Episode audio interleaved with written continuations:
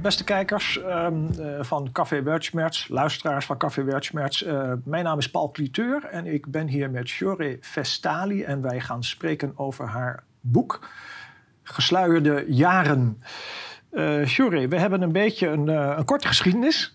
Uh, en die is begonnen toen, uh, uh, toen ik hier zat en jij mij interviewde. we hebben een aantal puntjes al aan de orde gesteld, die ook in jouw boek aan de orde stellen. En ik heb toen jouw boek gekregen en ik, ik ben een boekenman, dus ik, ik kwam thuis. Ik heb het meteen het boek in één adem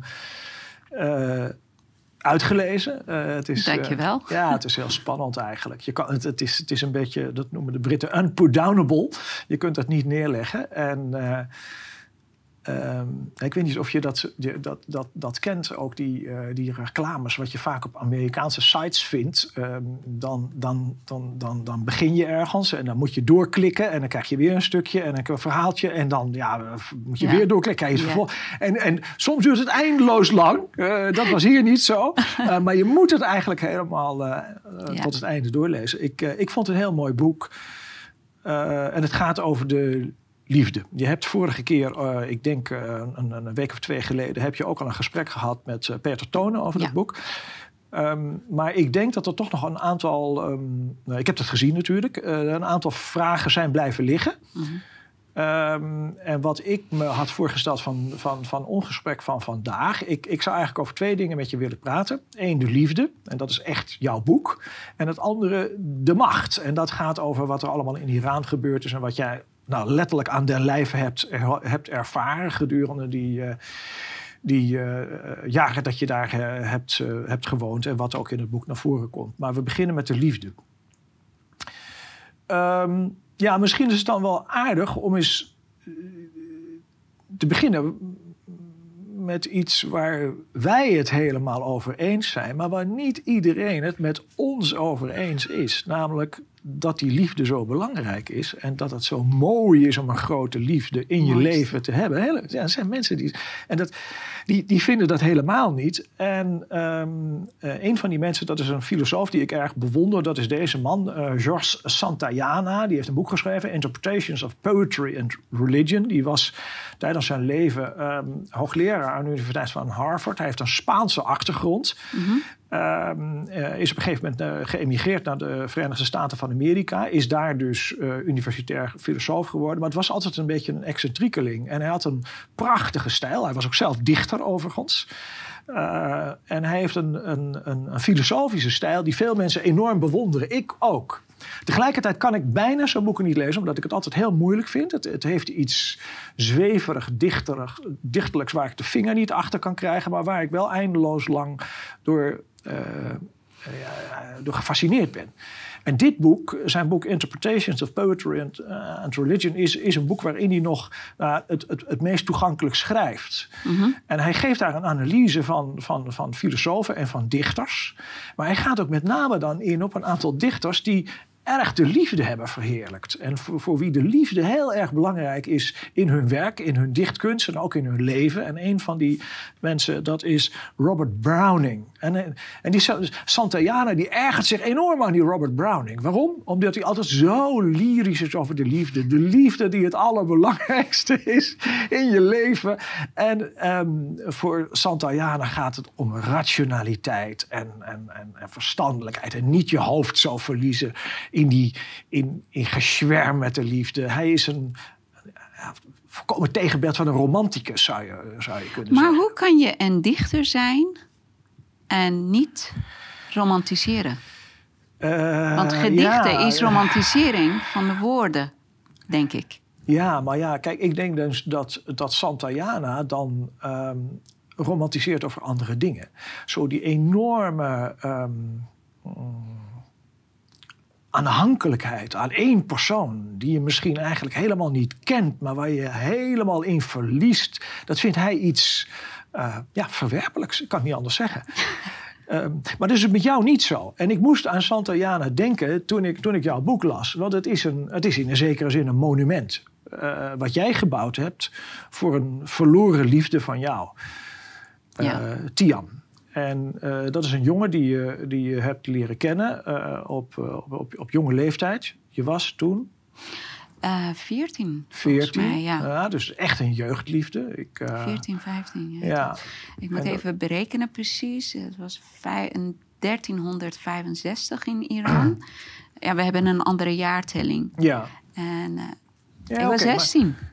Huh? 16. 16. Oh ja, oké. Okay. Ja, uh, toen jij dus in uh, Iran woonde, je hebt van je negende tot je 22e um, heb je daar gewoond vanaf mijn geboorte tot en met mijn 22e. Ja, maar ik was negen en toen bleef ja, machtsovername. Ja, ja, er zijn eigenlijk twee, twee belangrijke perioden in je leven. Van je eerste jaar tot je negende jaar. Hè? Um, en dat is de periode van de Shah. En dan vanaf je negende jaar kom jij te leven onder het regime. En dan komen we straks nog over te spreken van Ayatollah Khomeini. Wat nu nog steeds wel bestaat. Ja, zei het dan niet, Khomeini is dood. Maar, maar dat regime is er nog steeds. En daar heb je vreselijk onder geleden toch? Zeker. Je, kan eigenlijk wel zeggen, je, je, je, je, jeugd is, afgepakt. Mijn jeugd is afgepakt. En niet alleen van mij, van al miljoenen mensen ook. Maar mijn hele leven is anders geworden. Want als hij niet op macht uh, was gekomen, dan zat ik zeker niet hier. Nee. Dus het leven van heel veel mensen, hè, van miljoenen mensen, ja. is het veranderd. Ja. ja. En, dus dat, dus die, die, en, die, en van die eerste, en dan denk ik dus die eerste negen, negen jaar eigenlijk van je leven die vallen dan ook nog uiteen, denk ik, ook weer in twee perioden. Als, denk ik. Ik, ik, als je nou eens vanuit gaat dat je eerste vier, vijf jaar van je leven, dat je weinig herinneringen eraan hebt, dat je. Ja. Dan is er, eh, is er daarna een periode van je vijfde tot, tot in jouw geval tot je negende. Dan heb je er zo grofweg zo'n vijf jaar. Daar heb je wel herinneringen aan. Dat zijn in jouw geval positieve herinneringen. Ja. Herinneringen van vrijheid, van vrijheidsbeleving. Je kon doen wat je wilde. Normale leven. Normale leven. Ja, hoewel je had ook, mag ik dat zo zeggen, een, een enigszins geprivilegeerd leven in de zin dat jouw vader was een belangrijke bestuurder. Mijn vader was na de machtsovername uh, een belangrijke bestuurder geworden. Aha. Daarvoor was hij uh, schooldirecteur nou ja, goed, oké. Hij was bezig, want mijn vader en moeder... die zijn ook heel vroeg uh, verliefd geworden op elkaar. Mm. Heel vroeg uh, gingen ze trouwen. En na hun huwelijk hebben ze uh, hun studie voortgezet. En ze hebben allebei ja, universitaire diploma gehaald. Met vier kinderen. dus het zijn intellectuelen, dat allereerst. ik mag ook wel zeggen well-to-do. Um, de hele tijd wordt er taxis. Uh, we nemen een taxi naar dit en naar dat. En denk, nou ja, ze zijn kennelijk in. Als je dat, uh, ik denk dat er veel mensen, als die dat boek lezen, denken, nou, dat is een beetje de uh, Iraanse, nou, upper jet set. Nee, upper ten of. We hadden het goed. Ja. Maar, maar taxis bellen. Kijk, je hebt daar ook op straat taxis. Hè? Net als op zo'n Amerikaanse oh, wijze. Dat je gewoon even taxis kan stopzetten of stoppen. Maar als je extra veiligheid wil, dan kan je bellen naar taxibedrijven. En dan mm. komen ze jou. Toen was kijk, het was niet iets dat je iedereen elke dag kon doen. Maar het was ook niet heel erg onbetaalbaar. Voor mm. mijn gevoel tenminste. Dat is de herinnering die ik heb. Oké, en eh, goed, dus, dus je hebt een normaal, eh, zoals je, wat je zelf dan noemt, een normaal leven gehad in die, in die eerste negen jaar met, met, met, met relatieve vrijheid. Mhm. Ehm, en dat verandert dan allemaal in 1979. Ja. Ehm, en dan uh, ben jij dus negen jaar en dan komt daar uh, dat wat, wat wij dan hier een beetje in het Westen doorgaan, zoals de Iraanse revolutie vindt dan plaats. Uh, je kan ook zeggen de Iraanse machtsgreep of de machtsovername heb je het zelf genoemd. Staatsgreep vindt er dan plaats en dan krijg je een heel ander regime. En um, ja, dan loop je als 19-jarig meisje ineens in de straat en dan hangen daar de lijken aan de boom van de vermeende collaborateurs met het vorige regime van de Shah. Negenjarig, ja. Dat kennen we eigenlijk alleen maar uit de geschiedenisboekjes van de Romeinen, die dan na een slavenopstand dan, dan al die kruisen gingen. Hè. Dan hadden ze dus op zo'n zo, zo'n weg, dan had je al die kruisen met die lijken daaraan eh, van die slaven. Of, of in, de, in de tijd van Shakespeare, dan hadden, hadden, hingen ook de politieke tegenstanders, die hingen dus eigenlijk aan de lantaarnpalen in de straten om een voorbeeld te stellen. Maar dat heb jij dus ook allemaal ja, gezien. Niet uit Shakespeare en niet uit de, uit de Romeinse geschiedenisboekjes, maar uit eigen ervaring heb je dat meegemaakt. Ja.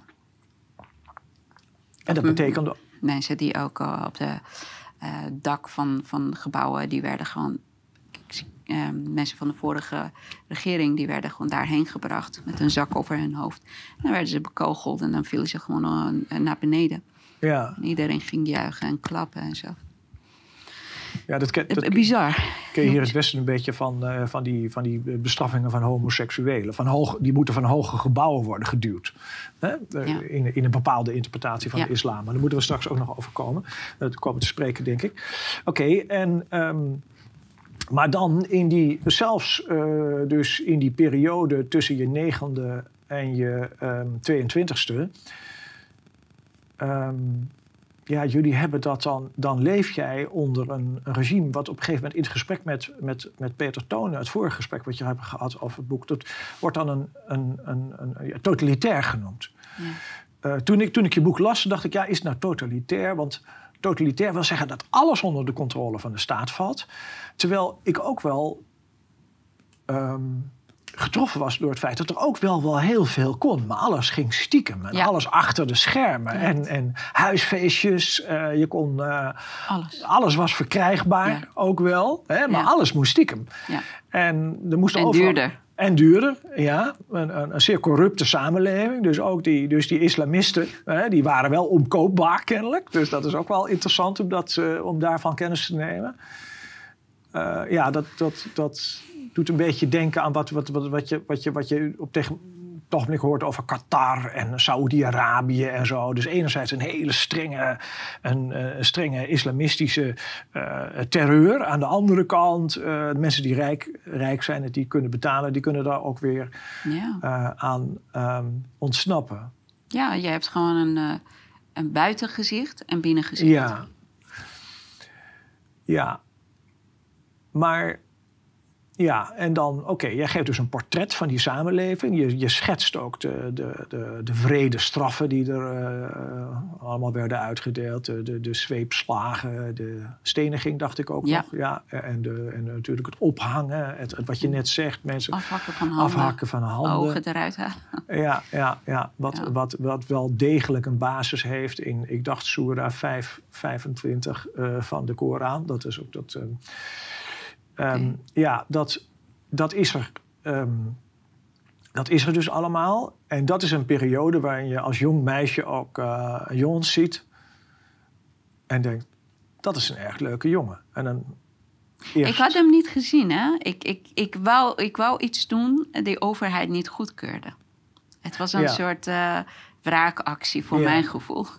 Dus we werden gekoppeld aan elkaar. En, eh, Ja, en de liefde is, nadat we elkaar zagen, is die ontstaan. Nou, je hebt een, een eerdere liefde, dat, maar Ja. het is ook allemaal op het eerste gezicht. Ja. Want er gebeurt niks. Hè? Klopt, dat is nee. natuurlijk een beetje Ja. in dat totale vrijgevochten westen. Het is alleen maar een kwestie van oogcontact. En, ja, toch? En speculeren en elkaar aan de telefoon krijgen. En dat is dan bijna het hoogtepunt eigenlijk van de relatie. Dat je überhaupt met elkaar vrij kan praten. Dat is alles. Dat was heel wat. En dan door een verhuizing kom je in contact dus met eh, Tian, die een beetje bekend staat als een eh, frivole jongen. Een Ja. beetje als een. eh, ook een beetje als een, noem je dat? Een lady, ladies boy, knappe Hij was jongen. wel, ja, hij was geliefd. Hij was geliefd. En jij wordt verliefd. En Ja. een beetje tegen de verwachting in wordt Ja. die liefde beantwoord. Ja. En dan heb je ook nog een aantal vrienden eh, ook, waarvan er één koppel enorm wreed wordt, wordt, wordt bestraft voor het feit dat wat je dan- hier noemt het, het huwelijk geconsumeerd werd. Die hadden seks met elkaar gehad en dat kwam uit. Ja. En die worden dan zwaar bestraft, uit elkaar gehaald. En eh, in het boek speelt dan ook een, een rol dat jullie als vriendengroep gaan proberen om die weer bij elkaar te krijgen. Dat lukt ook. Ja, ja. En het was echt een hele gevaarlijke actie, zeg maar. Ja. Want ehm, dat meisje was al gedwongen verder gegaan met haar leven. Dus dan, dan wat, wat wij deden, die kon echt letterlijk ons leven kosten. Ja. Want daar had je ook geen minimumleeftijd voor ophangingen. En zo vanaf acht, volgens mij, was het legaal om mensen te, op te hangen. Vanaf acht. Ja, Ja. dat gebeurde ook. Dan kan je uitgehuwelijkd worden. Opgehangen worden. Alles. maar je mag niet drinken. Maar je mag niet drinken. Nee. Nee, en je mag ook niet lief hebben. En je mag wel naar de frontlinie gaan. Uh, je mag wel naar de frontlinie. Je mag je dood laten schieten in de oorlog met, uh, met uh, Irak. Worden. Maar je mag niet verliefd worden. Nee. nee. En als je verliefd wordt wel, dan moet je zo snel mogelijk trouwen, neem ja. ik aan. Ja. ja. ja. Ja. Bizar is dat, hè? Als, Kijk, nu met de mentaliteit die ik hier heb ontwikkeld, als ik zelf dat ook hoor, dan denk ik, ja, het, het klinkt echt ongeloofwaardig voor mensen om dat te horen. Er zijn natuurlijk een, de, de, veel van jouw verhaal uh, is ook um, herkenbaar voor mensen die boeken lezen van ook mensen met een migratieachtergrond. Hè? Mm -hmm. uh, we hebben bijvoorbeeld hier nu een enorm succesvol boek van uh, Lala Gül met een Turkse achtergrond. Um, die, nou, Turkse achtergrond, ja, uh, geboren in Nederland. Dat is weer het verschil met, met, met jou. Uh, Gul is geboren in Nederland, heeft een, een, maar heeft een boek eigenlijk geschreven over um, de Turkse invloed op haar leven hier als uh, Nederlands meisje. Want dat is ze, dat is ze tenslotte. Uh, veel jonger weer dan jij hoor. Maar, maar, mm -hmm. um, maar het verschil weer daarin is dat zij ook wel met die klemmende Turkse cultuur in aanraking is gekomen. Jij met de klemmende uh, Iraanse uh, cultuur. Maar um, voor haar is het ook een enorm conflict met haar ouders. En daar zou ik een vraag over willen stellen. Dat is weer anders dan bij jou. Jij hebt het ja, met je ouders redelijk. Nou, dat wil ik even nuanceren. Kijk, ja. je, je zegt het zelf ook. Ze komt in clash met de cultuur. Ja. Cultuur is iets anders dan geloof. Mm. Kijk, je kan met je cultuur een geloof uh, onmogelijk maken. Of echt plezierig ja. maken. Dus uh, ik, heb, ik heb haar boek niet gelezen. Mm. Ik heb het wel gehoord, uh, hoe en wat. Maar zo heb ik het never nooit ervaren. I, ik praat gewoon over mensen met dezelfde afkomst als ik, Iraniërs. Ze zijn heel anders. Ze zijn heel open-minded. Mm. Je hebt... ik heb Iraanse man en vrouw die met elkaar getrouwd zijn. En die ene die drinkt en die rookt en die doet alles. En die andere biedt vijf keer per dag. Maar dat heeft geen invloed op hun relatie. De ene dwingt haar of zijn geloof niet op haar of zijn partner. Nee. Uh, we hebben, als wij Iraanse feesten en bijeenkomsten hebben... we hebben echt mensen die ook echt gelovig zijn. Ze doen mee met Ramadan. Ze doen mee met uh, elke dag bieden en Koran lezen. En we hebben ook mensen tussen die gewoon gaan drinken. Dus je hebt ook alcohol aan tafel. No problem at all. Nee, we dat... kunnen ook grapjes maken over geloof en zo. Kijk, het wordt in, in sommige culturen heel erg uh, heftig aangepakt of erop gereageerd. Dat ervaar ik niet tussen Iraanse mensen. Nee, maar het, het, waar, ik, waar ik eigenlijk naartoe wilde, dat was die relatie met, met de ouders. Als je dus het, het, het boek van, van, van, van, van Gul leest, dan is het eigenlijk ook één lang gevecht met die ouders. Het is niet zo het gevecht met de Turkse gemeenschap en de Turkse cultuur. Het is het gevecht met die ouders die haar daaraan uitleveren, min of meer. Dat is bij jou veel minder het geval. Jij. Um, er is wel, en daar ga ik nu een beetje. Ja, ik weet niet of het helemaal kies is hoor, want, want dan, dan, ga ik je een beetje uh, uitspraken ontlokken over je ouders. die misschien helemaal geen zin hebben om ten opzichte van mij en ten opzichte van het kijkerspubliek van Café Weltschmerz te doen. Dus daar moet je je vrij in voelen. Oh, ik Omdat zeg uh, wat maar, ik. Uh, maar het, het, is natuurlijk wel zo. Ik denk, ja, eigenlijk jou, jou, jouw ouders stonden wel aan jouw kant. Ze, um, ze hebben ook niet meer van die onderdrukkende Iraanse cultuur geprobeerd af te dwingen over jou dan strikt noodzakelijk was om zichzelf staande te houden in, in Iran. Um, jouw vader kon ook um, zich meer veroorloven misschien dan anderen, omdat hij dus ook onderdeel, hij was eigenlijk ook, ja. mag ik dat zo zeggen, een beetje onderdeel van het ja. regime ook. Zij ja. het een hele gematigde, liberale uh, variant daarin. Hè?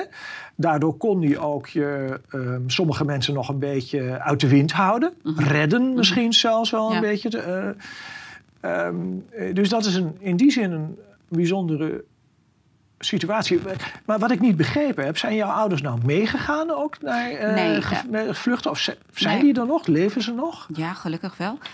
Um, Kijk, maar, maar um, de situatie dat ik in Nederland terecht ben gekomen... heeft niks met het boek te maken. Hè. Het is gewoon later gebeurd, uh, een paar jaar later... nadat, ik, nadat het boek eindigt.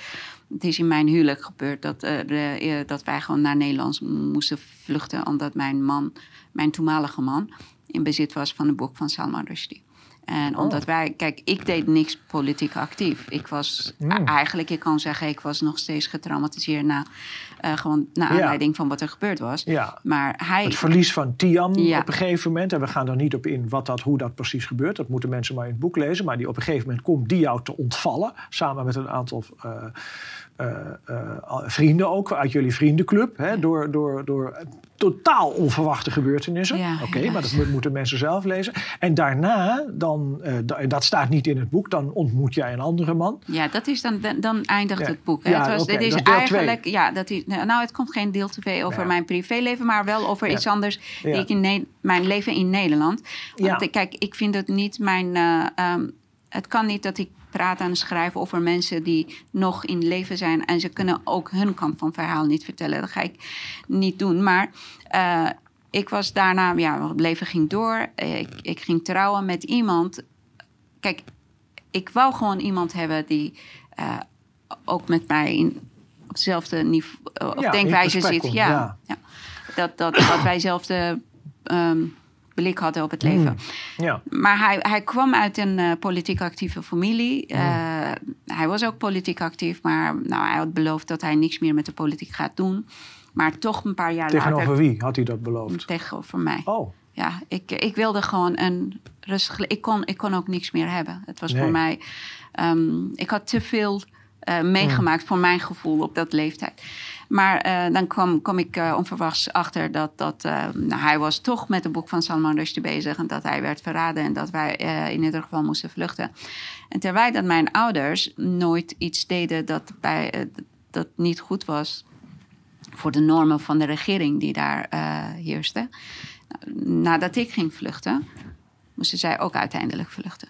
Naar aanleiding van iets die mijn ex-man had gedaan. Het, dat boek is de, de, de, de, de, de, de, Satanic Verses van, van Salman Rushdie. En in daar zat 1988 gewoon doodvonnis uitgekomen. op, In ja. 1989 heeft deze meneer eh Khomeini, waar we het straks nog over gaan hebben... die heeft een fatwa uitgevaardigd, een doodsvonnis... over de schrijver, over de uitgever van het boek... over de mensen die het boek eigenlijk ook lezen, Ja. faciliteren. Iedereen. Iedereen wordt geacht die Rushdie uit te leveren. En hij had het boek En- niet eens gelezen. En hij had het boek niet eens gelezen, maar dat, is, dat komt meer voor inderdaad met die eh Puritijnen. Ja, dat, Ja.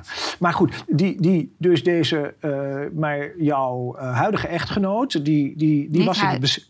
Mijn ex, we zijn niet meer samen. Oké, ja. Of maar toen. Ja. Eh, ehm, eh, toen ehm, heeft hij, ehm, hij, hij, hij- Dat boek was kennelijk dus verkrijgbaar op de een of andere manier. Dat, Ja, dat ja, alles is verkrijgbaar Oh daar. oh ja, alles dus-. Ja, ja. En is op de zwarte markt. En het, het boek verkochte ook heel erg goed, omdat het verboden was. Iedereen wilde hem lezen. ja. En eh, dus het was ook goed te verdienen, boek. On- onder ons gezegd en gezwegen. Hè? Ik vind het niet zo'n fijn boek. Ik, eh, ik, ik ben ermee Ik- begonnen toen maar ik... kan niet zo goed. Ik vind Rushdie geweldig als, au- als do- door de zaak waarvoor hij strijdt en als, als politiek essayist.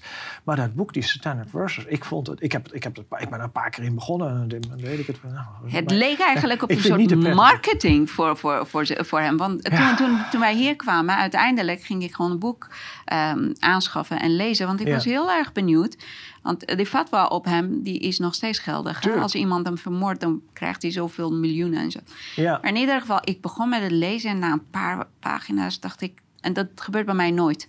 Ik lees bijna alles uit wat ik, Oh. wat ik waar ik mee begin. Ik, dacht, ik heb hem niet gelezen. nee, oké. Maar goed, de, dus eh, je toenmalige echtgenoot, die las het wel. Die, en dat is een politieke daad. En daar werd je, daarmee werd je Hij eigenlijk. verkocht het ook. Hij verkocht het. Oh ja, Ja. oké. Dus hij verkocht het ook. En, en daardoor. Hij had een boekhandel. Hij had, eh, Ja, oké. eh, hij, hij had een we- werkverbod, dus hij mocht niet Hmm.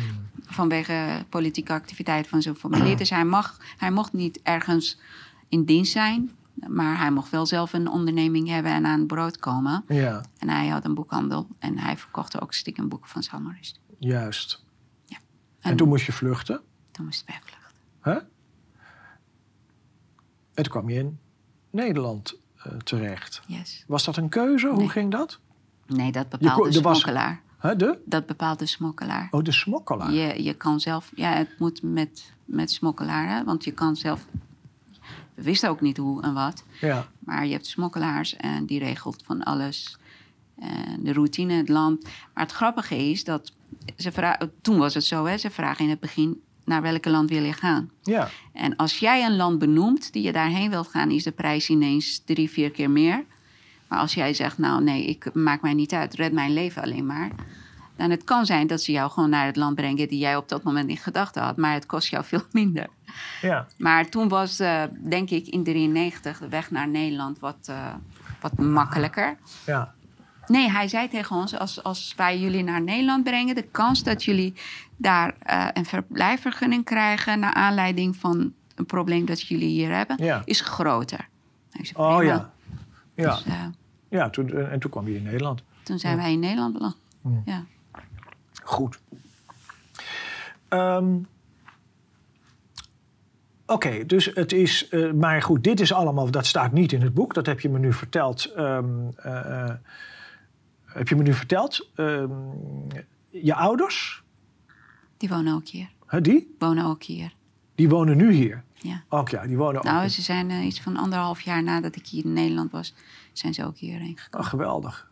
Ja, voor mij was echt En jullie een droom die Jullie zijn intact. En je hebt, en je hebt nog goede contacten met je ouders. hele goede. oh, ja, ze zijn mijn ruggengraat. Joh. Ja, joh, Echt, jullie eh, hebben natuurlijk vreselijk veel meegemaakt. Ja, ja, ja, ja. Nee, ik heb hele goede, gelukkig. Ik heb echt, eh, ik, ik hou van mijn ouders en ik hoop dat ik ze heel lang mag hebben. Ja. Oké, dat is mooi. Eh, nou, ik. ehm, eh, ehm, iedereen die, die, die, die iets wil weten van, van dat land en van, van de mogelijkheden en vooral de onmogelijkheden, eh, die moet, moet dit, dit, dit, dit boek lezen, vind ik. Ehm, tegelijkertijd zijn er ook dingen die, ik, die, ik, die, ik, die, ik, die me verbaasden in het boek. En die me ook hebben verbaasd in, in gesprekken die wij erover gehad hebben. En die, wat je ook met, met Tonen hebt gehad. Ehm, eens even kijken, wat is de beste manier om dat te doen? Kijk, het, het, ik ben ook een beetje met deze problematiek bezig. Maar wat mij, wat mij opvalt, dat is dat we, we. Jij lijkt iets minder bezig met die ideologie die dat Iraanse regime ehm, bezielt dan ik. En dat kwam even aan de orde in het gesprek eh, wat, wat, we, wat we eerder samen hadden. En toen, toen, toen, toen, toen vroegen we ons af: ehm, ja, wat, hoe kan dat nou eigenlijk? Hè? Want het is, dus we zijn het er helemaal over eens dat die, die enorme wreedheid van het regime is, is duidelijk. Hè? Ehm, wat ook, hoe, hoe die, die, die, die enorme eagerness, die enorme ah, geneigdheid om, het- om, die, om, die, om, die, om, die, om, die, om die jonge kinderen. Nou, het, het is in de knop moet het allemaal gesmoord worden. Het is een hele, die liefde, hè? het is een Ja. enorme.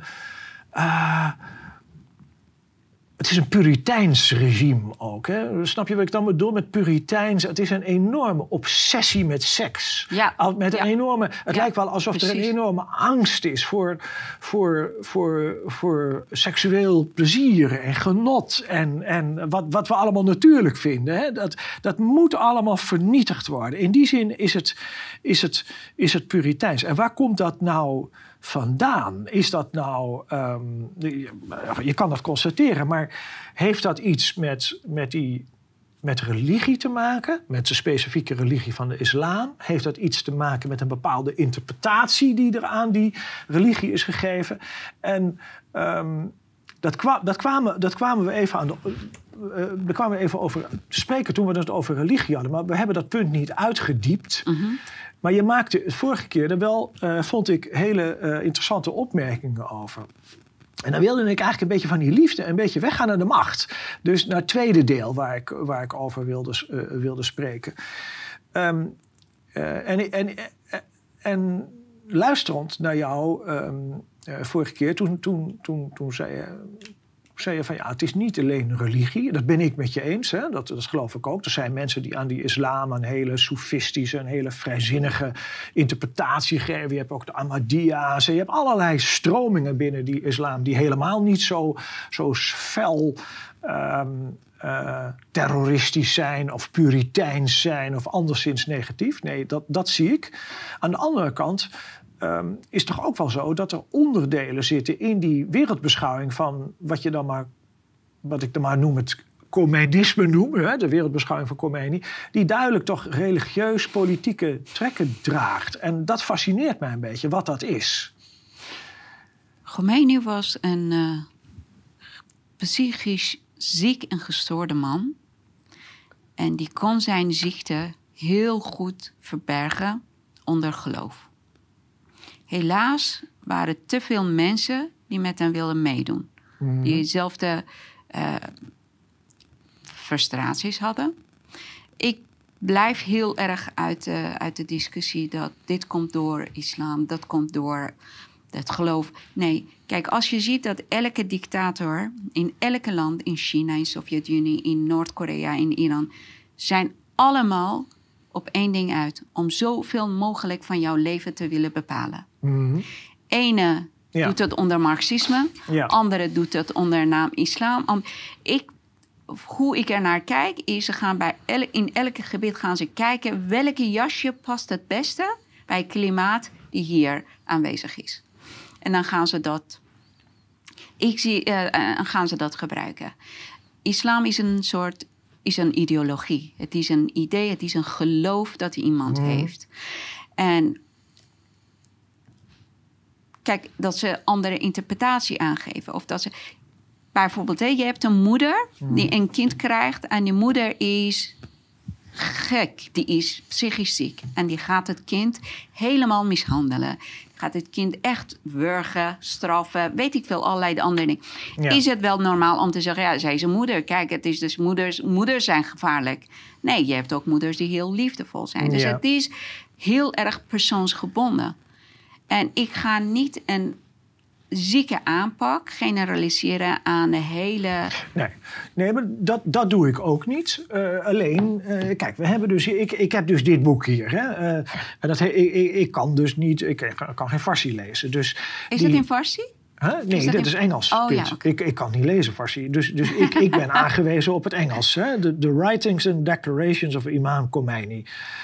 En um, en is dan dat is, zijn uh, Ja. Is dat, uh, ja, dus de, de belang... Dat is wat wij op school moesten leren. Ja, natuurlijk. Mm. En dit is dus de, de Vilayati... Oh, de Layat Fari, ja, ja. Ja, ja, ja. ja maar dan in het Engels. Okay. Hè? En verder nog allerlei... Oh, dat uh, mensen dat vertalen, oké. Okay. Jawel, dat is dus door vertaald hier, translated en annotated bij Hamid Algar.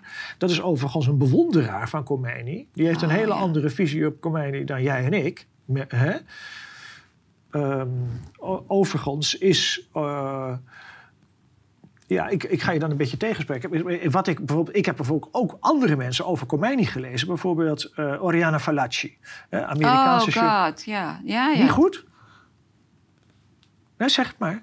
Nee, ik heb ook haar interviews gezien met uh, Khomeini. Ja. Ja. Oké, dat is interessant. Nee, oké. Dus, zij is absoluut niet een objectieve en, en een vrijdenkende journalist. Nee.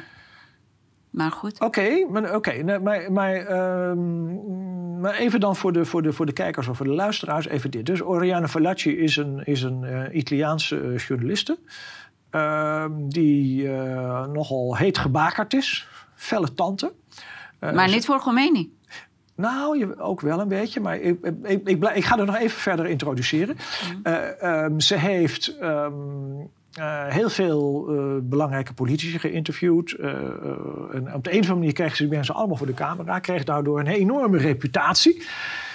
maar op het moment dus dat ze geïnterviewd werden door um, Fallaci daarna hadden ze er allemaal spijt van. Want het, het kon ontzettend ontaarden eigenlijk. En dat is niet alleen met uh, gebeurd, maar, maar ook met andere mensen gebeurd. Ze heeft ook een interview gedaan met de Shah.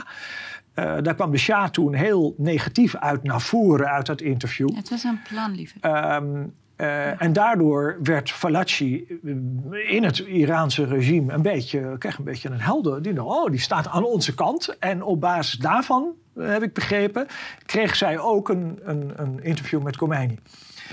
En uh, ze heeft dat gehad. En ik zie veel afkeren in je gezicht. Je... Hou je nog even uit? Nee, maar, ja, weet je. maar, en toen, nou, ik zeg zo'n één ding. Uh, en uh, ze moest gesluierd zijn. Uh, ze ging er gesluierd in. Um, kreeg een beetje ruzie met hem. eh, nadat Khomeini zei van ja, het is alleen maar voor Iraanse vrouwen. Toen gooide zij de sluier af. Khomeini sprong op als een kat, lenig als een kat, hoewel het al een oude, eh, oude man was. Eh, ging de kamer uit, wilde niet meer met hem praten. Toen is ze door, door bemiddeling van mensen zijn ze toch weer tot elkaar gekomen. Dat is het interview geworden met Khomeini. Ehm, en nou ja, het is in ieder geval opmerkelijk dat, dat zij, zij had wel, en daar verschillen jullie denk ik van mening. Eh, wie, wie ben ik? Ik kan het niet beoordelen, want ik, ik ken, Khomeini, ken Khomeini verder niet. Hoewel ik dus wel dus dat, eh, dat Islamic Government heb gelezen, dat wel.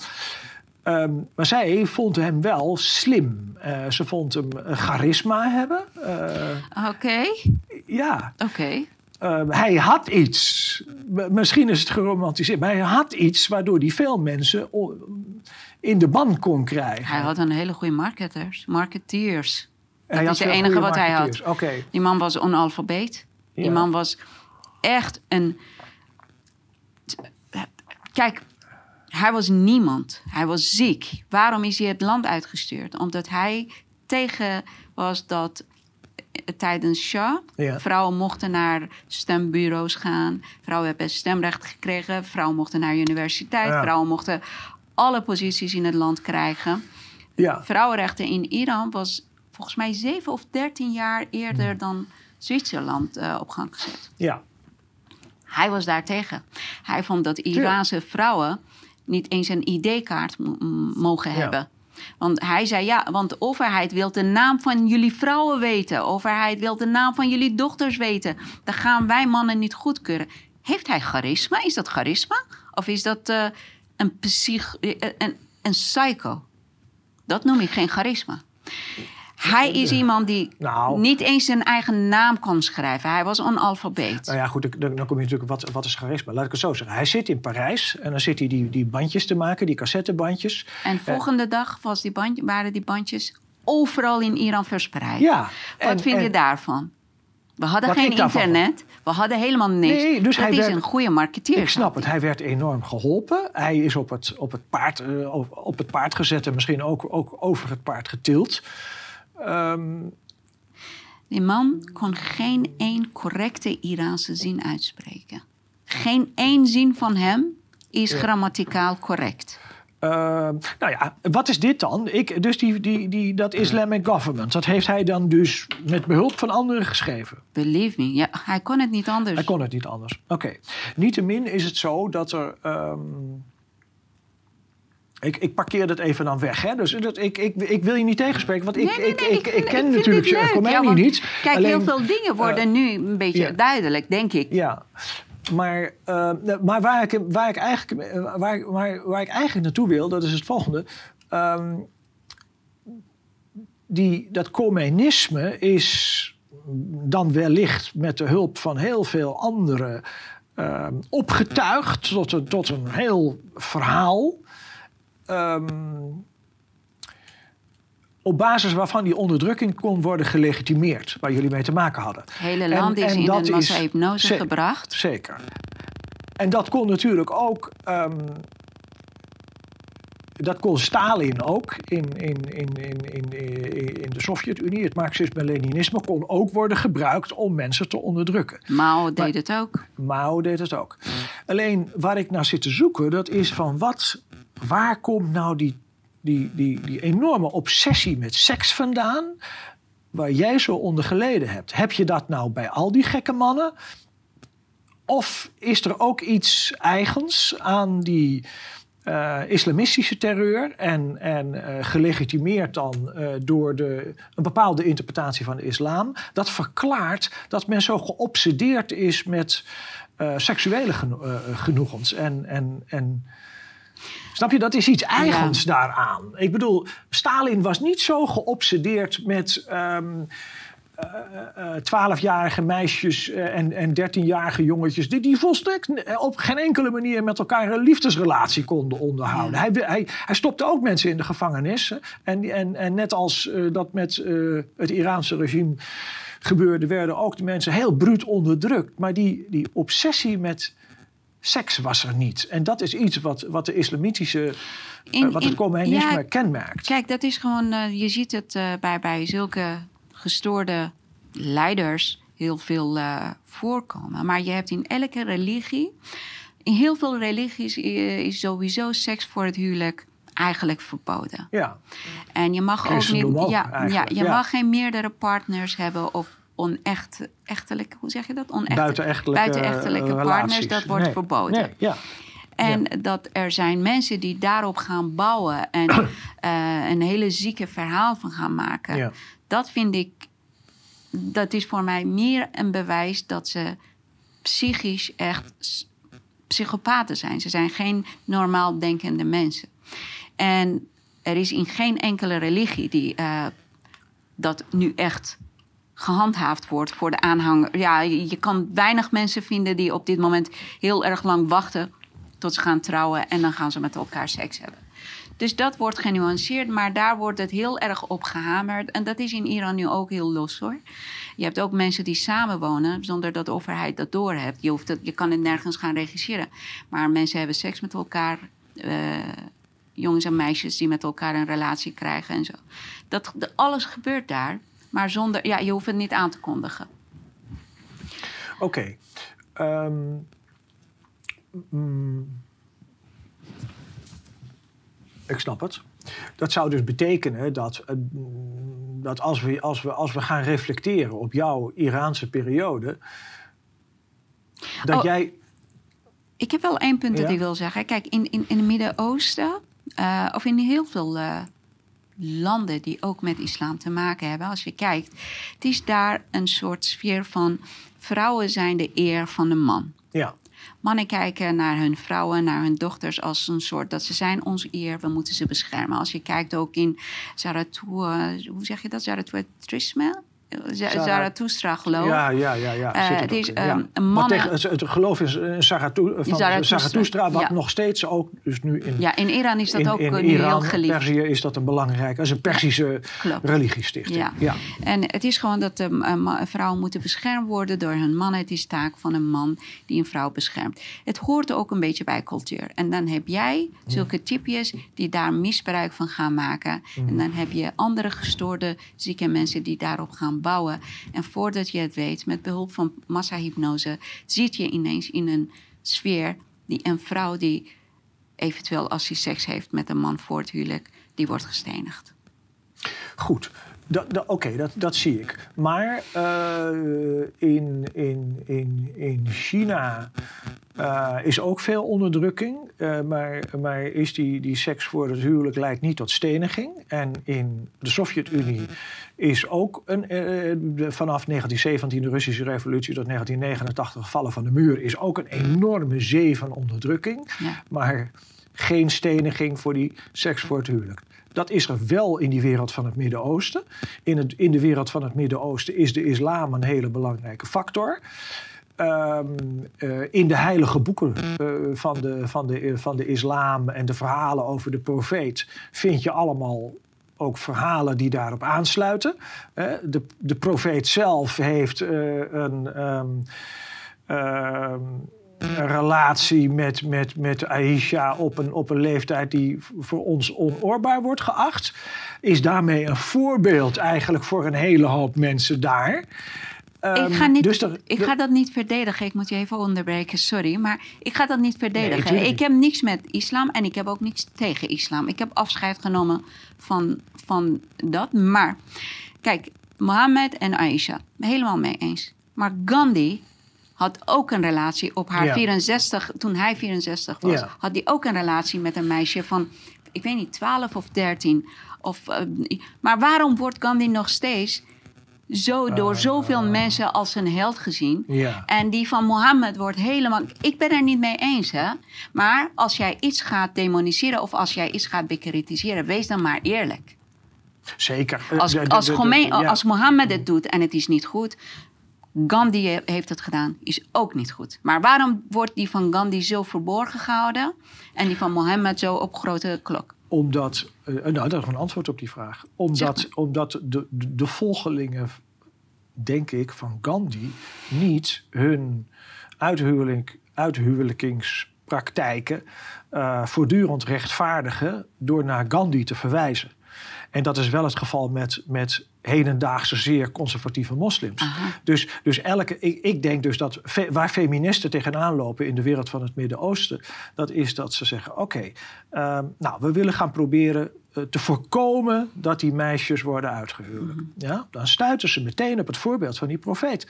Dan zegt de, zegt de overheid meteen: ja, profeet heeft zelf met uh, Aisha, uh, toen, ze, toen, ze, toen ze negen was, een relatie aangaan. Hij was van middelbare leeftijd.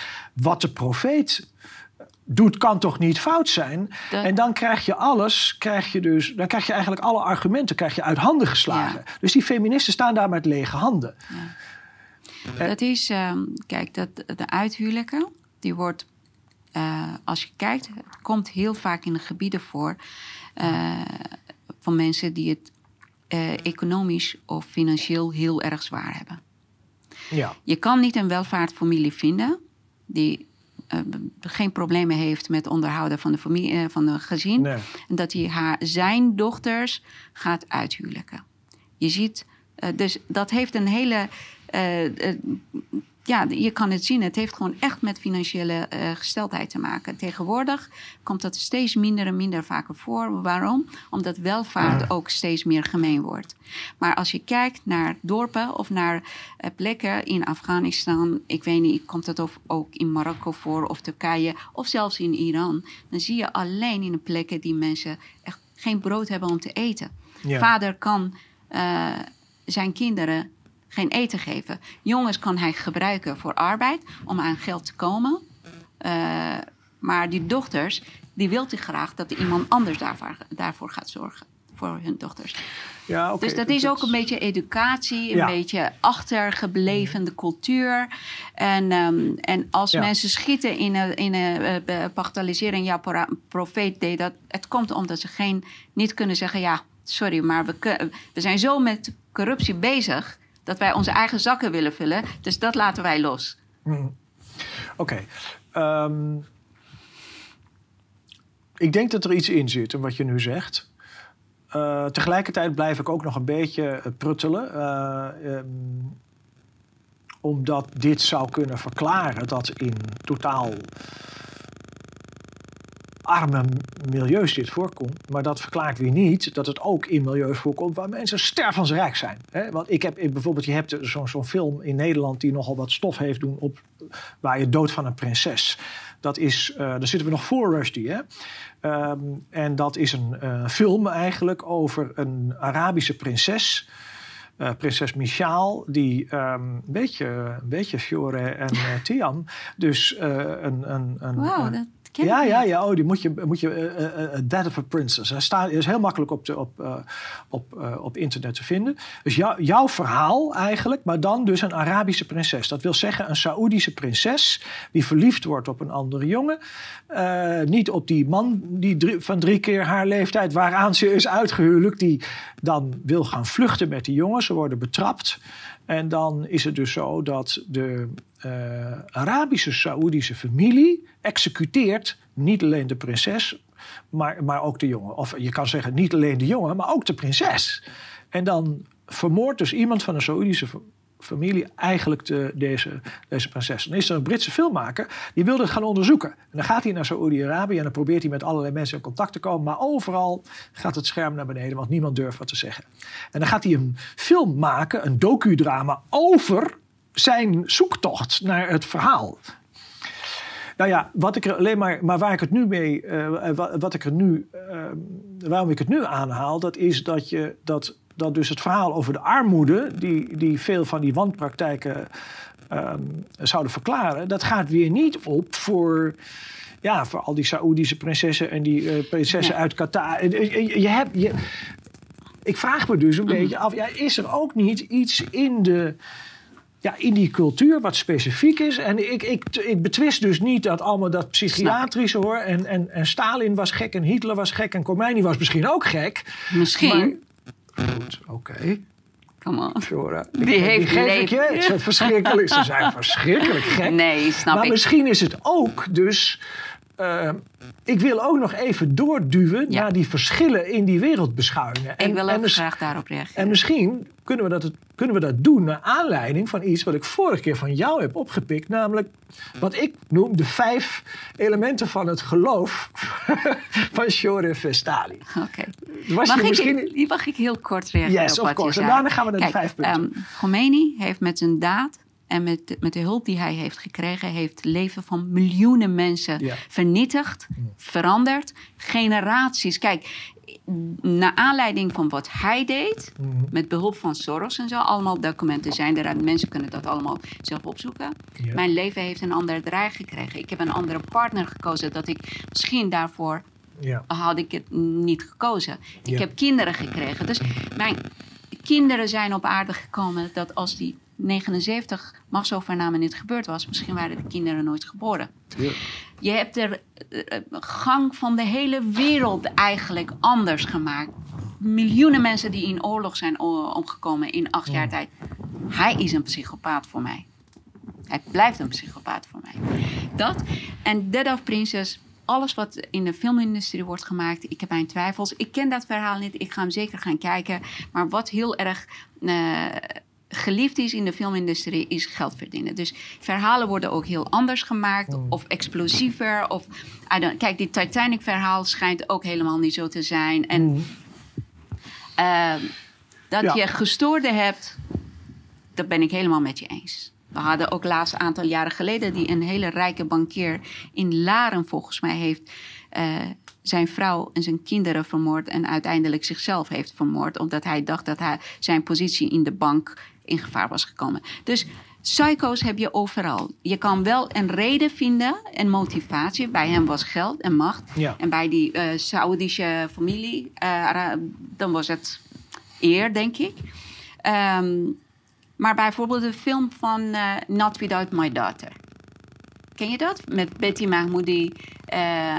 Die Amerikaanse vrouw die was getrouwd met een Iraanse arts. Die werd in Hollywood gemaakt. Oké. Not Without My Daughter. Het was een boek die werd wereldwijd heel Ja, erg goed ja, verkocht. ja, en ja, een film van gemaakt. De film klopt voor geen meter. Hmm. Het film klopt voor geen meter. Je ziet in de film, Iraanse man, is, eh, die is getrouwd met een Amerikaanse vrouw. Hij is een hele grote eh, acteur, is hij ge- eh, gekozen om zijn rol te spelen. En Betty Mahmoudi is een klein tenger mevrouw Sally, weet ik niet wat Ja. die speelt. Oké. Maar die arts die is naar Iran gekomen en dan verandert hij ineens in een soort beest en die gaat zijn vrouw slaan. Me happens to know the family personally. Ik ken die familie. oké. Dat is niet waar. Nee. En als je in het echt foto's gaat kijken op internet, Betty Mahmoudi is echt een jukkel van een vrouw. En die man is echt een kleine, tengere man. Dus vanaf het begin Nee, klopt het niet. Nee, oké. Maar ik deed de dood van een prinses klopt wel. eh, en het is een, Ik ga d- kijken, ik ben heel erg dus, benieuwd. Dus, maar maar daar, daar, daar moeten we een andere keer dan nog eens over hebben. Ehm, ik wil nog even verder gaan en ik wil naar het geloof van Shore, eh, Vestali. Kijk, waar ik naar zit te, te zoeken, dat is dus... eh, ik wil je verha- jouw interpretatie van... ehm, laat ik het maar noemen, de bronnen van het kwaad... die ga ik even niet betwisten. Hè? Eh, eh, wat er misschien alleen wel interessant is, om te kijken wat de consequenties zou zijn van wat jij zegt. Want eh, jij, bent uit, jij komt uit de Islamitische Republiek en ik zit hier in de Republiek der Verenigde Nederlanden. Nee, een grapje. Maar, en wij zitten te denken over hoe we een mooiere wereld kunnen maken. En wij, wij willen niet dat, dat er allemaal nog eh, in de toekomst nog vele shores lijden onder al die ellende. En daarom gaan we nadenken, Ja. wat is de bron van het kwaad? Klopt. Ja? Als, nou, als je nou kunt zeggen, nou ja, ehm, we lijden onder bepaalde psychopaten, dan moeten we, dan moeten we naar psychologische theorieën gaan kijken. Wat, wat maakt een mens gezond en wanneer is iemand helemaal gek? Wat zijn de persoonlijkheidskenmerken van die psychopaat? Moeten we daarmee aan de gang? Vind ik goed. Ik heb het niet gedaan in mijn academische werk, maar dat moeten, hebben anderen wel gedaan en daar moeten we naar kijken. Wat heb ik wel gedaan, en, en, en, eh, dat wil ik nu aan jou voorleggen en een beetje koppelen op jouw eigen benadering. Eh, ik ben geïnteresseerd in ideologieën. En ik ben ontzettend geïnteresseerd in wat maakt nou dat Marxisme-Leninisme nou een basis voor de terreur? wat maakt het communisme nou een basis voor de terreur? Is er ook iets in die ideologie te vinden? En zijn er bepaalde structuurkenmerken in die uh, velayati...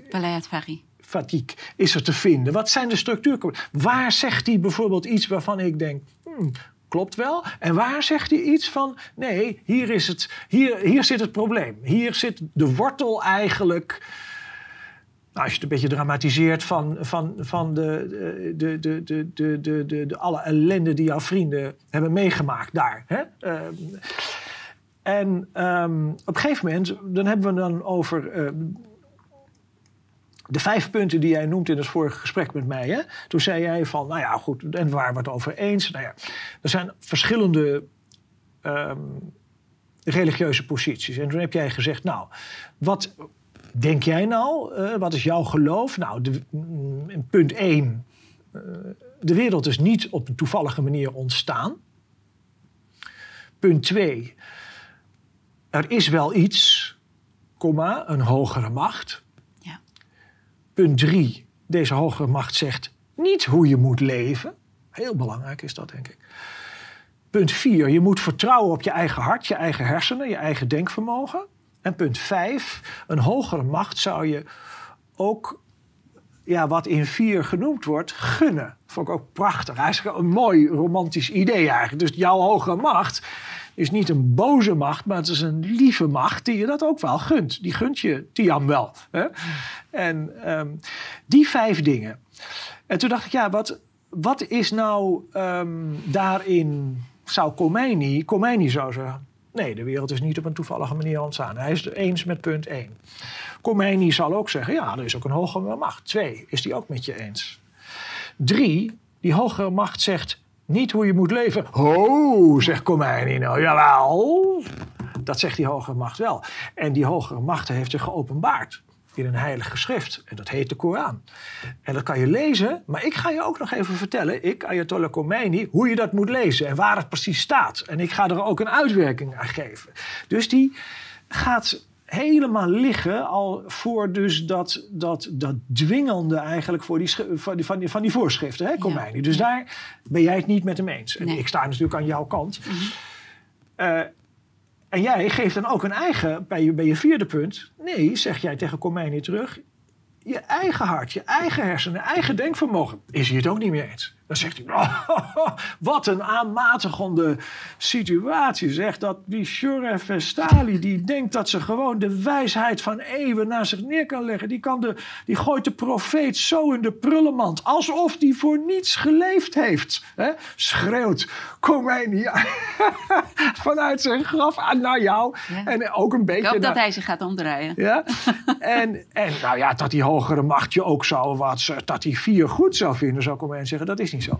Nou, waarom ik dat nou zo interessant vond, die, vier, die vijf punten die je noemt, en ook het contrast met Khomeini, dan denk ik van ja, ik sta aan jouw kant. Ik ben het helemaal met je eens. Uh, maar ik wil ook nog een beetje. Ik denk, ja, wat is nou het probleem eigenlijk van, van het communisme? Dat is dat deze man, Ayatollah Khomeini, de potentie heeft aan ons te kunnen voorschrijven wat hij uit een andere zijnsorde ingefluisterd heeft gekregen. Hè? Dus hij. Um, er zijn mensen die naar hem luisteren.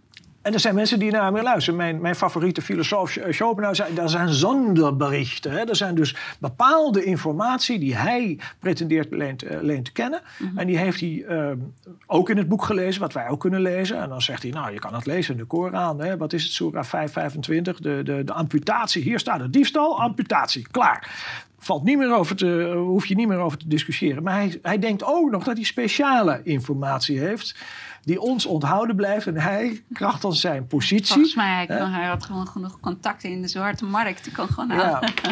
ja. ja. Nee, kijk, nou hij is een op macht beluste geest en lichaam. Ja. En dat heb je heel vaak, heel veel in de maatschappij. Dat kan je nu ook mm. heel makkelijk vinden. Uh, het is aan mij als een individu om te weten waar ligt de grens. Mm Ik ga dat boek never nooit lezen. Ja, gedwongen moesten we dat op school lezen. Je moet en het examen. Je moet het analyseren en je moet het bestrijden. Het, um, ik wil ook veilig thuis kunnen slapen. Want mensen die hem volgen, ja.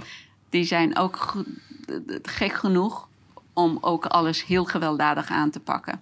Kijk, je hebt in, in Koran heb je ehm, ik heb een favoriete quote. Mm. Abraham Lincoln zei dat. When I do good, I feel good. When I do bad, I feel bad. And that's my religion. Dat Ja. is mijn favoriete quote. Ik vind heel veel mooie dingen in christendom. Ik vind heel veel mooie dingen in het boek Ja. van Zarathustra Avesta.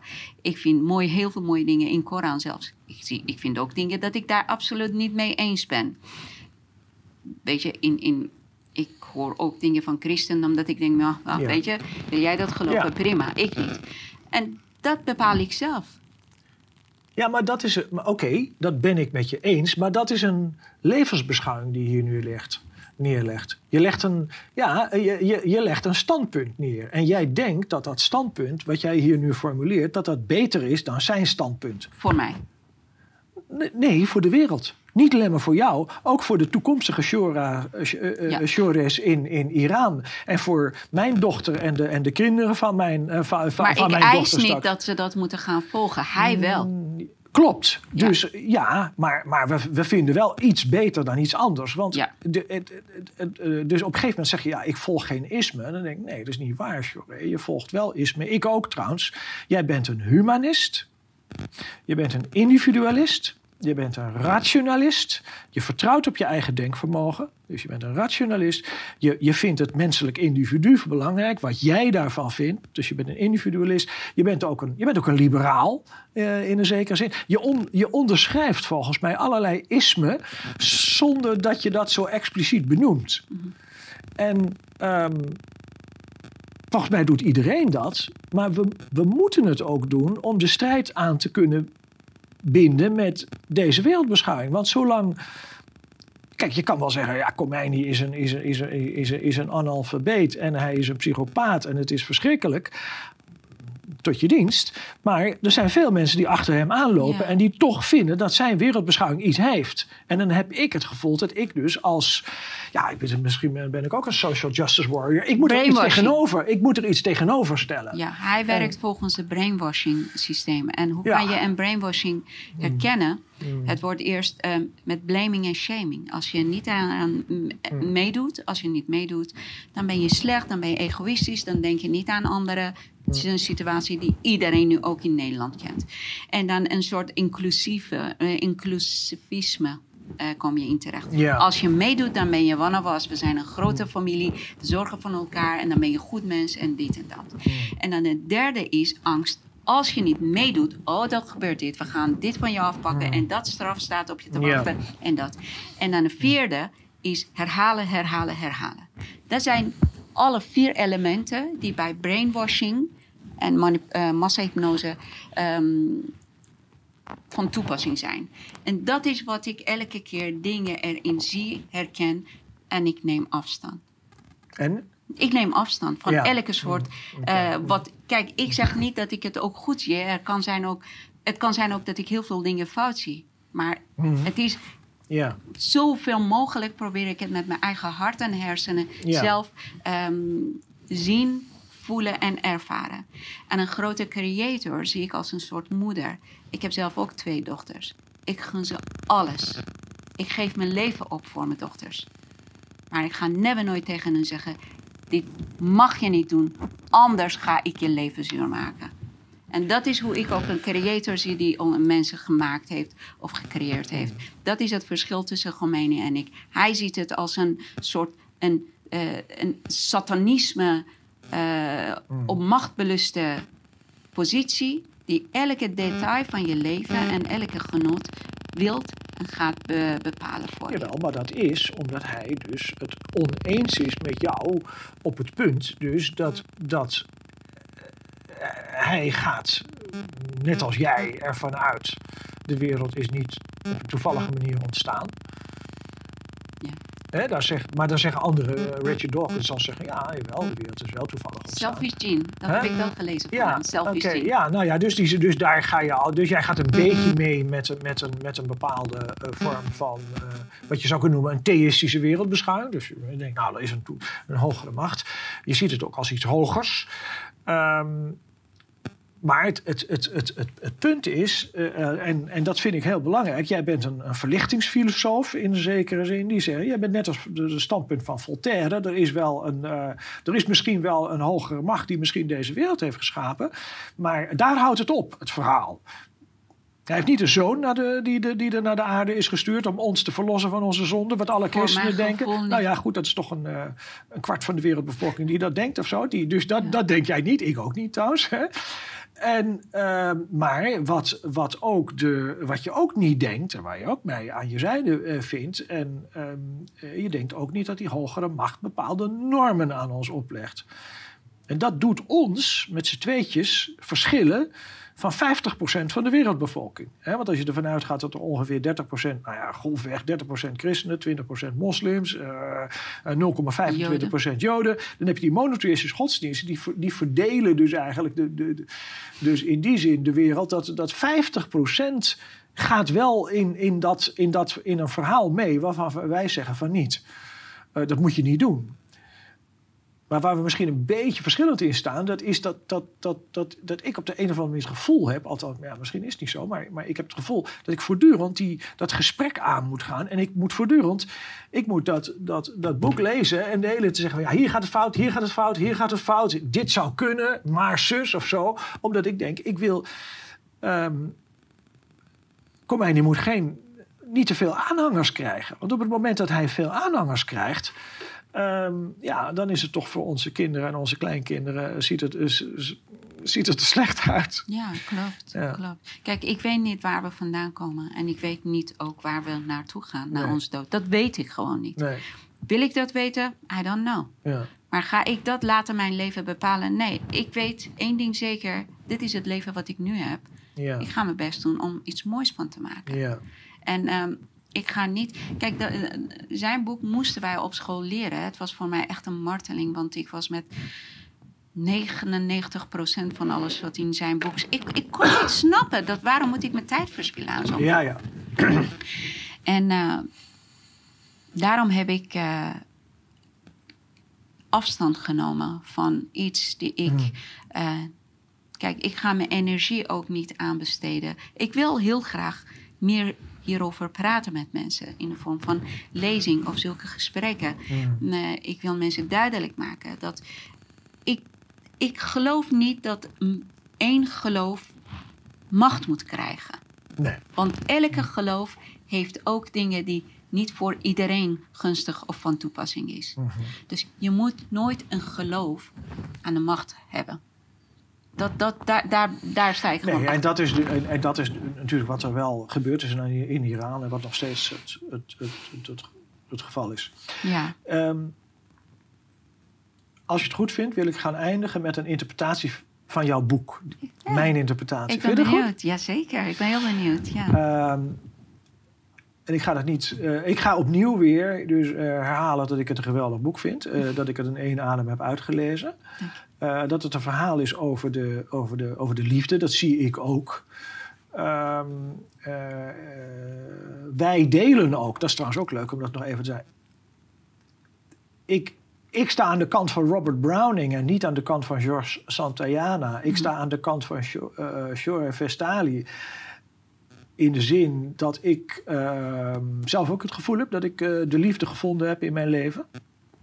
Dan heb je gewoon het grootste geluk van Ja, de ik, een groot geluk. Ja. En, ik, en ik heb meer geluk gehad dan jij in een zekere zin. Omdat, omdat dat, dat niet dat, dat grote verlies eh, eh, eh, mee verbonden is. Dus dat ben ik allemaal enorm met je eens. Ehm, maar ik heb dit boek lezende dacht ik ook... aan het einde gebeurt er eigenlijk iets heel, heel bijzonders. En ik ga niet vertellen wat het is. Dan moeten mensen zelf gaan lezen. Maar er is wel iets wat te maken heeft met het fundament van het Iraanse regime in een zekere zin. Ja. Het heeft ermee te maken. En ik denk niet dat je er bewust hebt ingestopt, maar, maar, want dan zou het heel geconstrueerd zijn, het boek. En ik denk niet dat het zo geconstrueerd is. Ik denk dat het spontaan geschreven is. Die indruk maakt het op me. Maar ik moest een beetje denken aan Candide van Voltaire. En ehm, het overgrote gedeelte van het boek, dat is eigenlijk de ellende die, die, die sommige mensen andere mensen aandoen. Mhm. Maar het eindigt eigenlijk iets met wat God de mensen aandoet. Het, is een act, het eindigt met een act of God. Het eindigt met iets wat niet die Iraanse machthebbers doen. Jawel. Dat uh, heeft een grote rol ermee, uh, erin gespeeld hoor. Corruptie. Dat weet ik niet, maar, maar dan zouden we te veel over moeten op. Even, ja. Dan moeten we te veel nee, in, erop ingaan en dan wordt, het, en dan, ja, dan, gaan we, dan wordt het een spoiler voor het boek. Ja, maar ik nee, denk maar... dat het eindigt met, met een daad van God, in een zekere zin. Uh, met een God die ik verwerp. En daarmee eigenlijk de grondslag van het hele Iraanse regime verwerp. Want het is uiteindelijk een, een, een regime dat zich pretendeert te baseren op, op de God die hij, Khomeini, beschrijft. Ik zeg, uh, um, je kan met alles rekening houden en je kan alles anders doen en jezelf voorbereiden. Maar natuur wint altijd. Daar geloof ik in. Daar geloof ik in. Ik vind het een geweldig einde. We moeten niet verder praten, want anders verklappen we te veel. Dankjewel voor dit gesprek. Ik vond het heel erg leuk. Dankjewel. Heel erg lief. en uh, ik, uh, ik, ben weer een stuk verder gekomen dan in het, in het vorige gesprek dat we, dat we gehad hebben. Dankjewel. Dankjewel.